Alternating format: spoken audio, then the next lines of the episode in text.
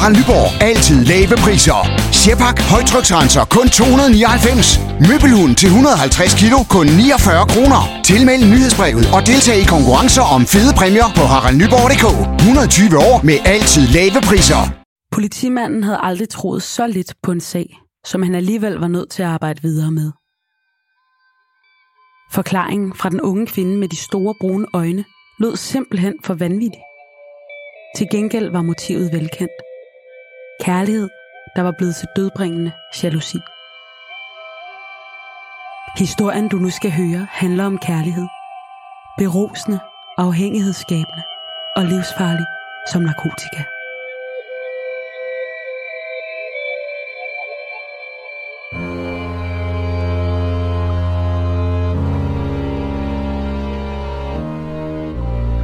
Du lytter til Mor i Nord.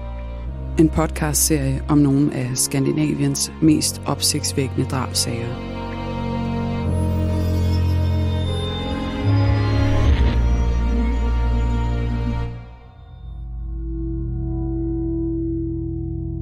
Det du nu skal høre er en virkelig historie, researchet og fortalt af Anne Niluka Iversen og læst op af din vært, Barbara Gerlof Nyholm. Dette er en genfortælling af sagens fakta, som de har været gengivet i andre medier. Nogle detaljer er udeladt, ligesom vi her afholder os fra at tage stilling. Det har retssystemet gjort. Men du skal være forberedt på, at det kan være voldsomt at lytte til. Ikke mindst fordi det handler om rigtige menneskers liv og død.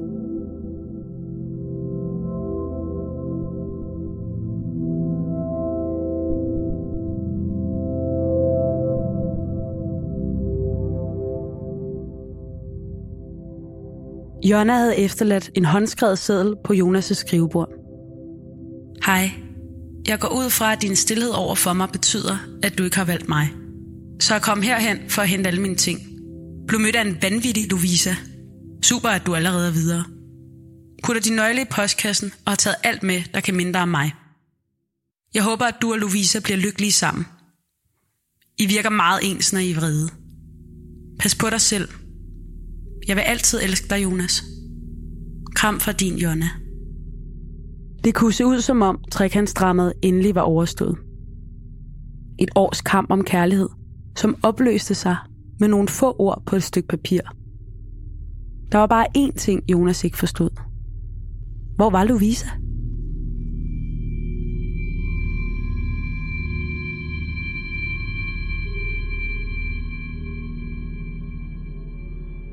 Et år før Jonas fandt Jonas afskedshilsen på sit skrivebord, havde de to mødt hinanden på en pop. Det var en sommeraften i Askersund, hvor Jonas boede. Nogle telefonsamtaler og velkomne venneanmodninger på Facebook senere var de kærester. Jonna var lykkelig. Hun var 23 år, og selvom hun havde været forelsket før, havde hun aldrig oplevet kærlighed som den, hun fandt med Jonas. Jonas var som narkotika, sagde Jonna. Han kom til at fylde alt i hendes liv. Han kaldte hende for sin kommende kone. Kvinden, der skulle være mor til hans børn.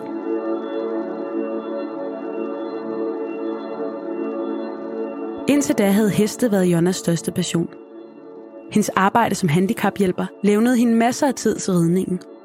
Og hun boede på landet mellem skov og eng, hvor der var plads til heste og hunde. Huset havde hun købt sammen med en tidligere kæreste. Og selvom forholdet var slut, boede de der stadig begge to. Efter nogle måneders glødende forelskelse, var det som om, at Jonas begyndte at trække sig fra Jonna. Og i takt med, at efteråret blev til vinter, blev han mere og mere kølig, indtil han til sidst slet ikke var til at komme i kontakt med. Han svarede ikke, når hun skrev, og ringede ikke tilbage. Juleaften ville han ikke engang åbne døren, da Jonna stod ude foran hans lejlighed med en julegave til ham. Jonna gik ind i 2014 med et knust hjerte, som hun forsøgte at hele med fester, fløt og alkohol, sådan som hun altid havde forsøgt at klare sig, når livet var svært. Men Jonas vendte tilbage.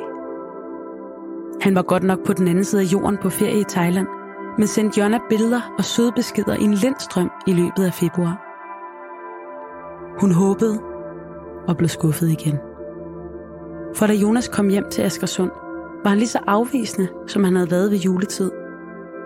Og som for ham var sømmet helt i, stillede han Jonna som Facebook-ven.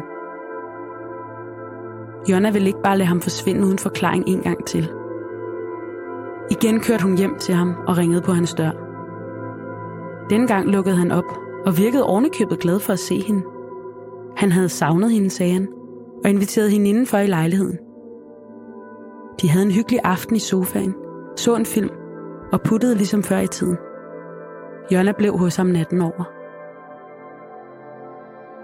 Dagen efter skulle Jonna i byen med en veninde om aftenen. Men efterhånden som timerne gik og promillerne steg, kunne Jonna mærke, hvordan det trak i hende. Hun måtte tilbage til Jonas. Jonna var temmelig beruset, da hun igen stod foran Jonas dør. Han var til gengæld alt andet end begejstret for hendes uanmeldte besøg, og spurgte surt, hvorfor hun var kommet. Jonna var fuld forelsket og forvirret. Hvordan kunne Jonas gå fra varm og kærlig til kold og vred på den måde? Hans telefon ringede ind i soveværelset. I første omgang ignorerede Jonas lyden, men den insisterende ringetone blev ved. Jonna fulgte efter ham, da han gik ind for at besvare opkaldet, og kunne se, hvordan han blegnede, mens han blev skældt ud i telefonen af en kvinde, der var så ophidset, at Jonna kunne høre lyden af skideballen, selvom hun ikke kunne høre, hvad der blev sagt. Det var Louisa, der ringede. Hun og Jonas var barndomsvenner, men hvad Jonna ikke vidste var, at de var blevet mere end venner. Jonas fik afsluttet samtalen. Han var helt hvid i hovedet og meddelte Jonna, at hun skulle hjem nu. Han skulle nok køre hende, sagde han, og var allerede på vej mod hoveddøren for at komme afsted. Jonna ville ikke nogen steder og stillede sig i vejen for ham, stadig lige fuld og forundret over hans opførsel.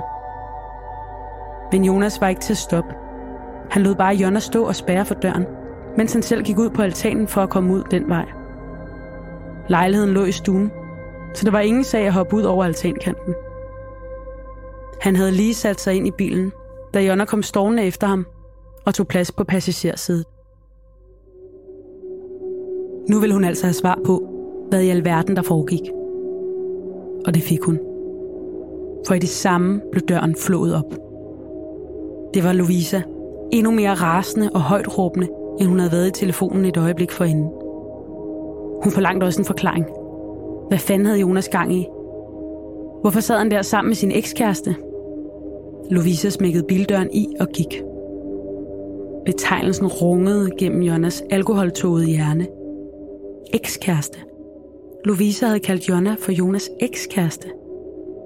Og det lød som om Louisa selv mente, at hun havde overtaget Jonas plads.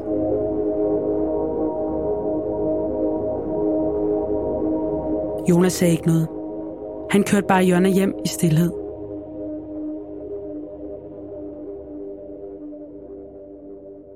Stilheden blev ved. Jonas lukkede igen fuldstændig af over for Jonna, der ulykkeligt forsøgte at slæbe sig igennem sin hverdag og jobbet som handicaphjælper i de følgende uger.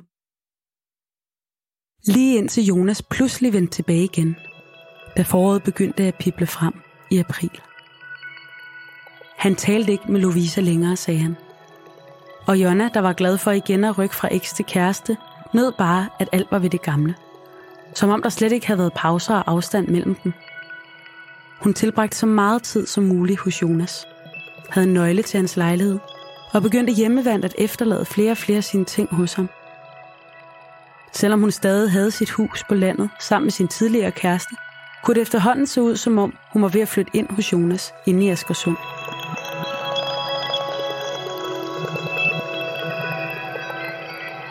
Men i maj dukkede Louisa pludselig op igen. Og der var Jonna alt for langt væk til at kunne gøre noget ved det. Hun var taget til Tyskland med nogle veninder. De skulle til bryllup og var afsted en hel uge. Jonna var i kontakt med Jonas hver dag, og han sendte søde beskeder hjemme fra Sverige. Men da Jonna en aften tjekkede Snapchat, kunne se, at Lovisa toppede Jonas' liste over venner. Lovisa, som han ellers sagde, han slet ikke talte med, var åbenbart den, Jonas havde allermest kontakt med på Snapchat. Jonna kom hjem fra Tyskland med en hård knude af mistænksomhed i maven. Og selvom Jonas bedyrede, at han og Louisa kun skrev sammen, fordi de var gamle venner, hjalp det ikke rigtigt. Hun fik kvalme ved bevidstheden om, at Lovisa stadig mødte sig ind på Jonas, så snart Jonna vendte ryggen til. Kvalmen og knuden i maven ville ikke slippe. Jonna følte sig syg, og efterhånden som dagene gik, kunne hun ikke længere slå det hen, som prisen for rigelige mængder tysk mad og øl. Det måtte være noget andet, der gjorde hende så utilpas.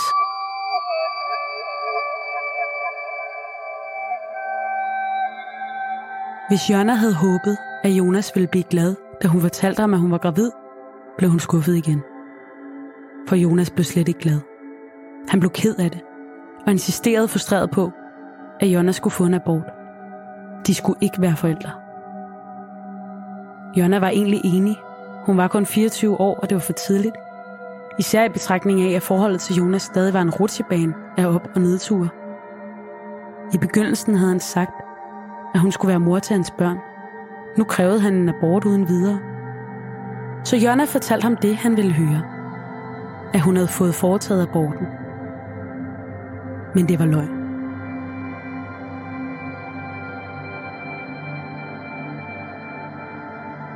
Det hjalp heller ikke. Jonas slog ikke op med Jonna, men han blev også ved med at se Louise. Nogle gange sov han også hos hende, for så at invitere Jonna til at komme dagen efter. Og Jonna kunne ikke give slip på ham. Maj blev til juni, før den uholdbare situation kulminerede en aften på poppen, hvor Jonas var i byen med nogle kollegaer. Da først Jonna, så Louisa dukkede op. Jonas var fuld og fanget mellem de to kvinder, der skiftevis skæld ud og appellerede til ham om bare at vælge, hvem af dem, der skulle være hans kæreste. Det kunne han slet ikke overskue. Men hverken Lovisa eller Jonna gik. De blev siddende med resten af selskabet, indtil de gik fra poppen i samlet flok. Jonna blev dårlig og kastet op på vejen. Hun var gravid, forklarede hun en af Jonas kollegaer. Og da Jonas hørte det, blev han vred. Jonna havde jo sagt, at aborten allerede var sket. Igen blev det til et større skænderi, som også Lovisa blandede sig i. Og så var de snart tilbage ved udgangspunktet. Pigerne ville have, at Jonas skulle vælge mellem dem. Men Jonas ville stadig ikke vælge. Han efterlod sine to kærester på vejen og tog videre til fest med kollegaerne. Lovisa og Jonna havde meget at tale om. Og da de havde siddet i Lovisas bil og snakket en times tid, stod det klart, at de begge havde hørt de samme forklaringer og troet på de samme løfter fra Jonas. Det kunne simpelthen ikke blive ved på den måde. Jonas havde åbenbart tænkt det samme. I hvert fald ringede han og bad både Jonna og Lovisa komme hjem til ham i lejligheden. Men heller ikke i tredje forsøg lykkedes det at finde en løsning. Jonas var stadig fuld, og samtalen gik i ring, så Lovisa gav op og kørte hjem til sig selv. Jonna blev hos Jonas. Næste morgen virkede Jonas helt upåvirket af nattens dramatiske diskussioner.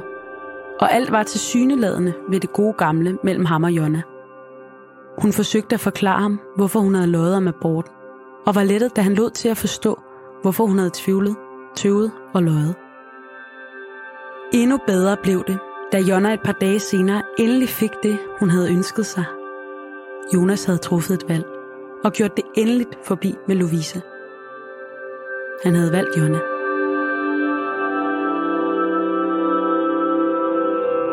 Hun var lykkelig og boede hos ham i lejligheden hele den følgende uge. Men mistroen sad stadig i hende. For der skulle bare et opkald fra Lovisa til Jonas telefon til, at den ellers hyggelig søndag aften i sofaen endte med, at Jonna fik det så dårligt, at hun kastede op. Næste morgen fortrød Jonna sin voldsomme reaktion, og i løbet af dagen skrev hun til Jonas, at hun meget gerne ville komme hjem til ham igen om aftenen. Hans svar bekræftede hendes bange anelser. Han havde brug for lidt tid alene, skrev han. Jonna græd og plagede i telefonen. Hun var bange for at være alene, sagde hun, og hun havde brug for, at Jonas passede på hende. Og så fik hun lov at komme alligevel. Nogle dage senere havde Jonna igen akut brug for Jonas omsorg. Hun havde været på skadestuen med smerter, der åbenbart skyldes en tilstoppet æggestok, fortalte hun. Og viste Jonas det sammensyede operationssår på maveskinnet. De sov sammen den nat. Men næste morgen måtte hun igen tage hjem med hovedet fyldt af mistro og frygt. Jonas havde bedt hende aflevere nøglen til lejligheden. Han havde brug for at være alene, sagde han. Var det fordi, han skulle være sammen med Lovisa? spurgte Jonna straks. Det afviste Jonas. Men Jonna kunne ikke slippe tanken. Hun ville da gerne give ham plads og tid alene, men det føles mere endegyldigt, når han også vil inddrage hendes nøgle. Hun troede ikke på ham, og slet ikke på Lovisa, som garanteret ville forsøge at kapre Jonas tilbage, så snart Jonna var ude af billedet. De næste døgn var hun helt ødelagt. Hun kunne ikke sove, græd og kastede op i et væk, når hun ikke sad ved computeren og studerede Lovisas sociale profiler, og de få andre hits, der kom op, når hun søgte på rivalens navn. Det var blevet sommer igen. Et år var gået, siden den juniaften, Jonna mødte Jonas på poppen. Siden var det som om Jonna var forvandlet. Fra den glade udadvendte hestepige, der altid havde været populær hos drengene, til et vrag af tårer og opkast. Fanget i forelskelse, skuffelse og jalousi. Ude af stand til at give slip. Hun var som en narkoman, og hendes stof hed Jonas. Jonna sov ikke. Hun græd og googlede i fire døgn. Så måtte hun handle. Onsdag den 18. juni var solen kun lige stået op, da Jonna kørte hjemmefra. Ved femtiden var hun fremme ved Lovisas adresse, hvor hun kiggede efter hendes bil. Den var der ikke. Og Jonna fortsatte til de lave boligblokke, hvor Jonas boede. Der stod Lovisas bil, parkeret som en demonstrativ bekræftelse på Jonas værste frygt. I Bygma har vi ikke hvad som helst på hylderne. Det er derfor, det kun er nøje udvalgte leverandører, du finder i Bygma. Så vi kan levere byggematerialer af højeste kvalitet til dig og dine kunder. Det er derfor, vi siger, Bygma. Ikke farmatører. Jonna blev siddende i bilen med blikket stift rettet mod den lejlighed, hun havde betragtet som sit hjem. Derinde var Jonas ved at stå op, vidste hun. Han skulle møde på arbejde klokken 6. Det skulle have været Jonna, han kyssede farvel, når han gik hjemmefra. Men Lovisa havde taget hendes plads. Jonas steg ud, gik lidt frem og tilbage mellem Jonas opgang og bilen. Så tog hun den pose, hun havde pakket hjemmefra, gik ind i opgangen og stillede sig for foden af trappen, så hun kunne holde øje med Jonas hoveddør. Hun var klar.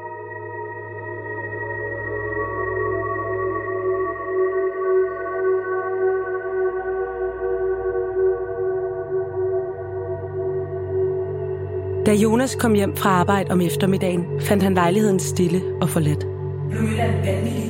På skrivebordet lå et kort håndskrevet afskedsbrev fra Jonna. Jeg vil altid elske dig, Jonas. Kom fra din Jonna. Han prøvede at ringe til Lovisa, men hun tog ikke sin telefon. Og hverken hendes mor eller hendes veninder kunne hjælpe ham. De vidste heller ikke, hvor Lovisa var henne. Han ringede til Jonna flere gange og indtalte en besked, men hun svarede ikke. Jonna ignorerede Jonas opkald. Hun hørte hans besked på telefonsvaren, men hun ville ikke tale med ham. Hun var bange, og hun vidste ikke, hvad hun skulle gøre. Hun ringede til sin søster for at få hjælp. Jonna fortalte sin søster, at hun og Lovisa var kommet op og slås hjemme i Jonas lejlighed den morgen. Lovisa havde stukket ud efter hende med en kniv, så Jonna fik en grim flænge i hånden. Men det var lykkedes hende at friste kniven fra Lovisa – hun prøvede bare at forsvare sig, og i tumulten var hun kommet til at ramme Lovisa i halsen med kniven. Det var et uheld, forklarede Jonna. Men hun var gået i panik. Derfor flygtede hun først fra lejligheden, men det fortrød hun. Så hun var taget tilbage for at sikre sig, at Lovisa var ok. Der var Lovisa væk. Og nogen havde gjort rent i lejligheden, så der ikke længere var nogen spor af slåskampen, fortalte Jonna. Nu blev Jonas ved med at ringe, og ingen vidste, hvor Lovisa var blevet af. Jonna kunne slet ikke overskue situationen.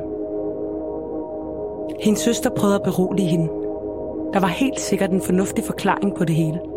Men, sagde hun, Jonna var nødt til at ringe til politiet og fortælle, hvad der var sket. Så skulle det nok gå alt sammen. Jonna gjorde, som søsteren sagde. Hun ringede til politiet og fortalte hele historien om slagsmålet, uheldet med kniven og den forsvundne Lovisa – Betjenten i telefonen lovede at undersøge, om Lovisa skulle være blevet bragt ind på et af hospitalerne i området. Og så ville hun sende en patrulje ud til Jonna, så de kunne få hendes forklaring.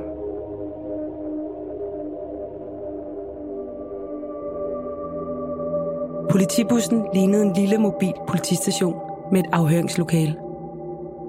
Jonna forklarede det hele en gang til. Men politimanden virkede, som om han ikke troede på hende. Han spurgte, hvordan hun egentlig var kommet ind i Jonas lejlighed anden gang, hvis hun allerede havde smidt nøglen i hans postkasse. Jonna forsøgte at svare, men det hele blev mere og mere forvirrende. Til sidst rejste politimanden sig op og råbte af hende. Så fortæl dog, hvad der faktisk er sket. Jeg har slået hende ihjel, svarede Jonna. Og så fortalte hun det hele.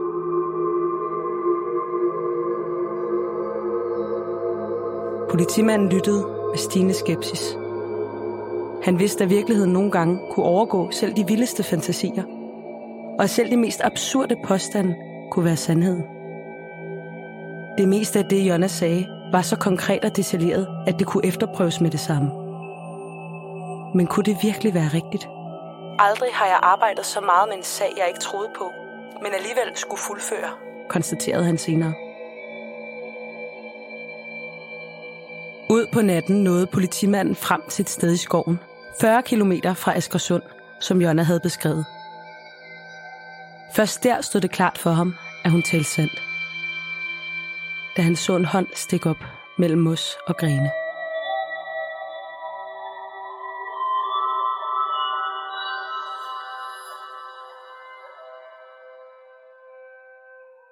Jonna havde forberedt sig, inden hun kørte ind til Askersund tidligt den morgen. Der havde været masser af hits, da hun googlede. Hvordan slår man nogen ned? Hvordan bedøver man nogen? Og hvordan slår man lettest nogen ihjel? Hun havde stjålet nogle sovepiller hos den handicappede mand, hun arbejdede for. Opløst medicinen i vodka og suget blandingen op i to sprøjter. Dem havde hun med i sin pose, sammen med en køkkenkniv og den hammer, hun brugte, når hun skulle sko sine heste. Hun havde stået klar i opgangen og ventet, og da Louisa kom ud af lejligheden og var ved at låse efter sig, for Jonna op ad trappen og slog hende i baghovedet med hammeren. Hun slog så hårdt hun kunne, og hun havde regnet med, at Louisa bare ville falde om, ligesom på film. Men Louisa faldt ikke om. Hun vendte sig, skreg og forsøgte at skubbe Jonna væk. Jonna slog igen. Og selvom Louisa blev ved med at råbe og kæmpe imod, lykkedes det at få døren op og mase hende ind i lejligheden. Jonna låste døren Lovisa blødt fra hovedet og blev ved med at råbe om hjælp. Og Jonna blev ved med at slå hende med hammeren. Pludselig ringede det på døren. Det blev ved og ved, og der blev også banket.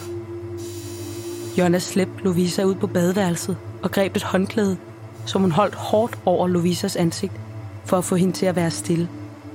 Men Lovisa skreg bare endnu mere. Hun sprællede og forsøgte at komme op. Dørklokken blev ved med at ringe, Jonna var nødt til at få Louisa til at være stille. Hun hævde sprøjterne frem af posen og prøvede at stikke. Fumlede og ramte i halsen. Men Louisa blev ved med at kæmpe. Plastikdelene gik fra hinanden. Det gik slet ikke efter planen. Jonna greb køkkenkniven fra sin pose. Hun stak og stak. Men Louisa var stadig ikke stille. Det var som om kniven var for sløv til for alvor at gøre skade. Hun gik ind i stuen og fandt Jonas kraftige sorte foldekniv i skuffen ved skrivebordet. Den tog hun med tilbage på badeværelset, bøjede sig over Louisa og stak hende i halsen. Louisa blev stille, og dørklokken holdt op med at ringe. Louisa var død. Jonna vidste, at hun var nødt til at skaffe livet af vejen. Men hvordan? Hun løb ned til sin bil, hentede en stor gul IKEA-pose og skyndte sig tilbage til lejligheden, blot for at konstatere, at hun umuligt kunne bære Louises døde krop i posen. Hun var nødt til at finde på noget andet, inden Jonas kom hjem. Og hun havde en idé om, hvad hun måtte gøre. Jonna opdagede, at hun selv blødte fra den ene hånd. Hun måtte have skåret sig, mens hun kæmpede med Louisa. Og flingen var dyb. Hun fandt noget hæfteplaster i en af Jonas skuffer. Så gik hun. Hun tog Louisas bilnøgle med og flyttede hendes bil så den ikke afslørede, at Louisa aldrig var kommet afsted på arbejde den morgen. Jonna kørte hjem til sig selv og hentede en sav og nogle flere poser fra Ikea. På vej tilbage til Askersund blev hun vinket ind til siden af en politipatrulje. Jonna var sikker på, at alt var tabt. Men betjenten så ikke en morder på vej til at skjule sine spor. Det var bare en ung kvinde, der havde kørt for hurtigt på landevejen. Jonna fik en bøde og en formaning om at passe på farten, inden hun fik lov at fortsætte. Jonna nåede frem til Jonas lejlighed med sin sav og sine poser. Der, på gulvet i badeværelset, parterede hun Lovisas døde krop i fire dele. Hun samlede de blodige håndklæder og stoppede dem i poserne sammen med ligedelene. Poserne var tunge, og Jonna måtte tage en af gangen og gå flere gange for at få det hele ud i sin bil. På vej tilbage til lejligheden mødte hun Jonas nabo. Det var hende, der havde ringet og banket på døren tidligere, fordi hun kunne høre larm og skrig derindefra. Havde Jonas slået hende? Jonna forklarede, at hun bare havde været op og skændes med en anden pige. Alt var okay nu, sagde hun, og smuttede ind i lejligheden igen. Nu skulle der gøres rent. Jonna skyllede Jonas sorte kniv og lagde den på plads i skrivebordsskuffen. Hun skurede gulvet og spulede hele badeværelset med håndbruseren. I gangen var der kommet blod på gulvtæppet, så Jonna klippede det blodige stykke af. Badeforhænget med de blå fisk og en matchende måtte var sølet ind i Lovisas blod og måtte også væk. Hun stoppede det hele i IKEA-posen sammen med Lovisas rygsæk. Hun lagde en sæd til Jonas. Super, at du allerede er videre, skrev hun. Og jeg håber, at du og Lovisa bliver lykkelige sammen. I virker meget ens, når I er vrede. Pas på dig selv. Jeg vil altid elske dig.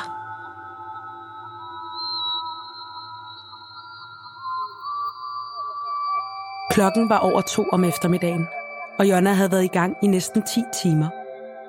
Hun skulle være på arbejde om mindre end en time. Hendes vagt hos den handicappede mand begyndte klokken 15, og hun havde lovet at komme lidt før. Men først kørte hun sin egen bil med den uhyggelige last i bagagerummet over på en langtidsparkeringsplads ved et supermarked. Så gik hun tilbage og tog Lovisas bil for at køre på arbejde. Hun gjorde sig umage for at virke helt afslappet og almindelig, da hun mødte sin klient og den kollega, hun skulle afløse. Men kollegaen lagde straks mærke til, at der var noget galt. Jonna blødte jo fra hånd, Plasteret havde ikke været nok til at lukke såret. Jørgen forklarede, at det ikke var noget særligt. Hun havde forladt sin kæreste og skulle bare hente sine ting og aflevere hans nøgle, da hun rendte ind i hans nye kæreste. Det havde udviklet sig til et håndgemæng, og så havde hende den nye kæreste stukket ud efter Jonna med en kniv og ramt hendes hånd, forklarede hun. Det var ikke så alvorligt. Kollegaen insisterede på, at Jonna fik en læge til at se på hånden. Og eftersom eftermiddagens første opgave var at hjælpe den handicappede mand til en aftale på hospitalet, kunne det klares ved samme lejlighed. Men Jonna nåede aldrig til lægen, for nu begyndte Jonas at ringe. Han var kommet hjem, havde fundet sædlen og ledte efter Louisa. Jonna var nødt til at komme videre og fik overtalt en kollega til at overtage hendes vagt. Hun havde travlt. Først skulle hun af med Louisas bil. Den kørte hun nogle kilometer ud af Askersund til Halsbjerg, hvor hun parkerede ved togstationen. Det kunne se ud som om Louisa var rejst væk, tænkte hun.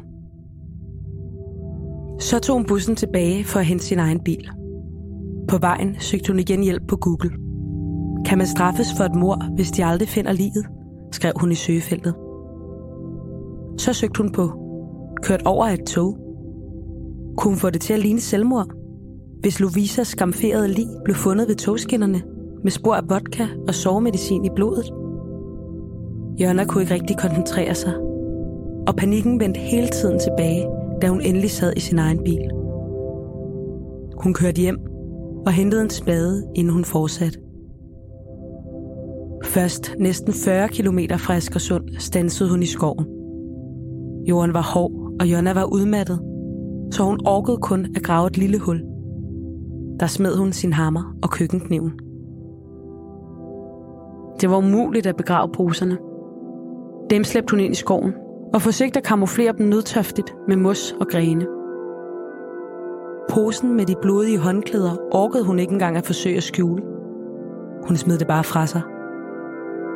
Det føltes som om hendes plan var lykkes. Det havde været meget mere besværligt, end hun havde regnet med.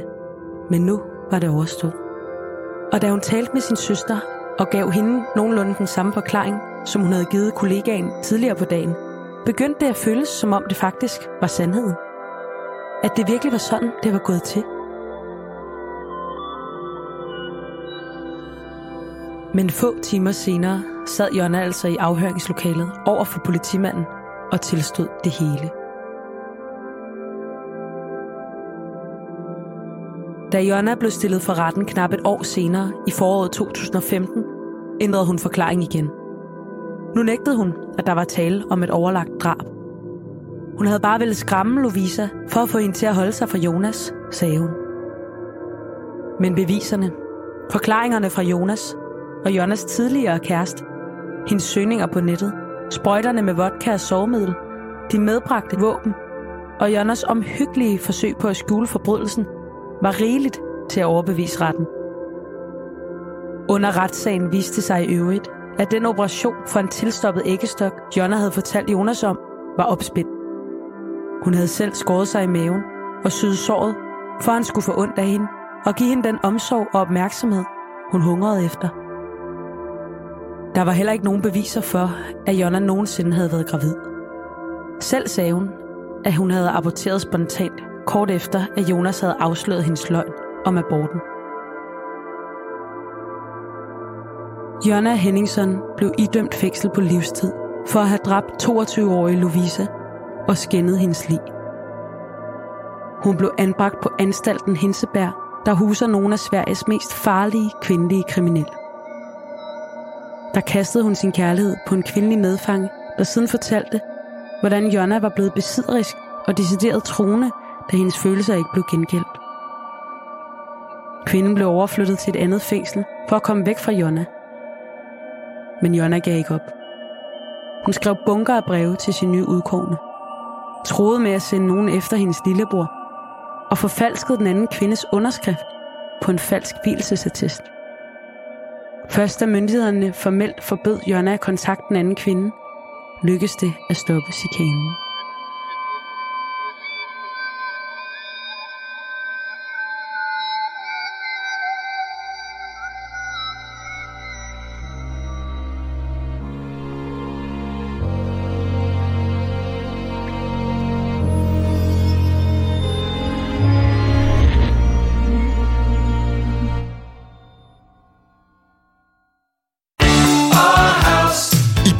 Får du nye tilbud hver uge. Så uanset om du skal renovere, reparere eller friske boligen op, har vi altid et godt tilbud. Og husk, vi matcher laveste pris hos konkurrerende byggemarkeder. Også discount byggemarkeder. Bauhaus. Altid meget mere at komme efter.